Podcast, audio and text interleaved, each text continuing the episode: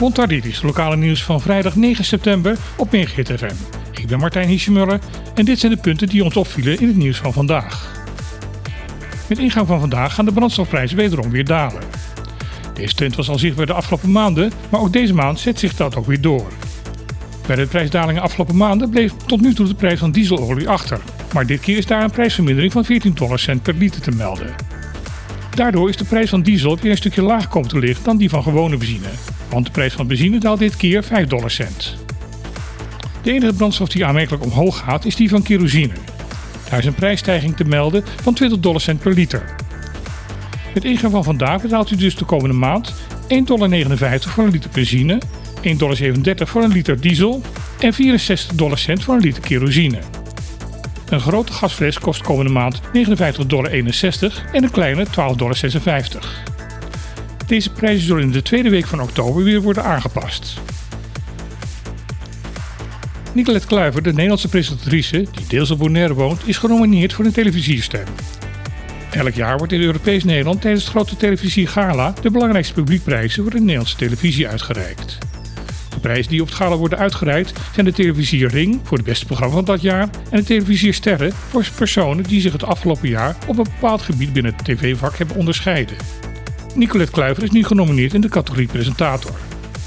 Kluiver is bekend van programma's als Expeditie Robinson en afgelopen jaar de uitgezonden documentaire Liefde voor het Leven. Hierin vertelt ze onder andere over haar gevecht tegen de ziekte longkanker en de mensen die haar Bonaire hebben geïnspireerd. Kluiver moet bij haar nominatie voor de televisierster opnemen tegen mensen als André van Duin, André Lubach, Linde de Mol en Yvonne Jaspers. Stemmen kan nog tot volgende week woensdag. Vliegtuigmaatschappij Air maakt de afgelopen jaren een snelle groei door. Vorig jaar maakte de maatschappij bekend dat er voor het uitvoeren van haar dienstregeling werd overgestapt naar een groter vliegtuig. De tot dan toe gebruikte Beechcraft 1900 toestellen met 19 zitplaatsen werden te klein voor het passagiersaanbod. Daarom werd er overgestapt naar de Saab 340B. Dit toestel heeft 35 zitplaatsen. Ondertussen gebruikt de airliner al drie toestellen van dit type. Het passagiersaanbod echter tussen de eilanden blijft groeien. Iets wat goed te merken was de afgelopen maanden. Regelmatig komt het voor dat je weken moet wachten voordat er een plek beschikbaar komt om naar Curaçao of Aruba te vliegen. ICR heeft daarom besloten om twee toestellen van het type Saab 2000 aan de vloot toe te voegen. Dit toestel heeft 50 zitplaatsen en is veel sneller dan de andere toestellen van ICR. Momenteel wordt het eigen personeel opgeleid om met dit toestel te kunnen vliegen en te onderhouden. De verwachting is dat de Saab 2000 eind dit jaar of begin volgend jaar opgenomen kan worden in de dienstregeling van EasyAir.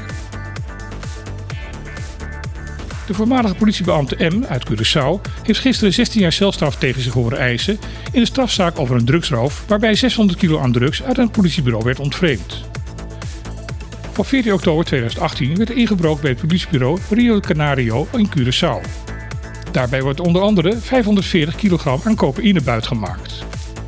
M werd pas in januari van dit jaar gearresteerd en wordt gezien als het brein achter deze inbraak. Daarnaast wordt hij verdacht van betrokkenheid bij een aantal andere drugszaken.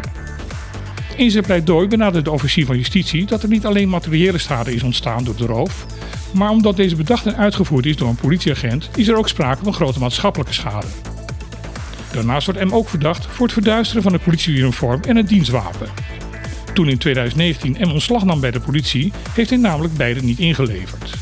De rechtszaak tegen M wordt vandaag voortgezet. Dit was het laatste nieuwsbulletin op Megahit FM van deze week. Morgen is er weer van 12 tot 2 op de klippen, live op Megahit FM. Wie de gasten zijn is nog niet geheel duidelijk, maar het zal zeker de moeite waard zijn om ernaar te luisteren. Als je dat gaat doen, graag tot morgen en anders tot maandag.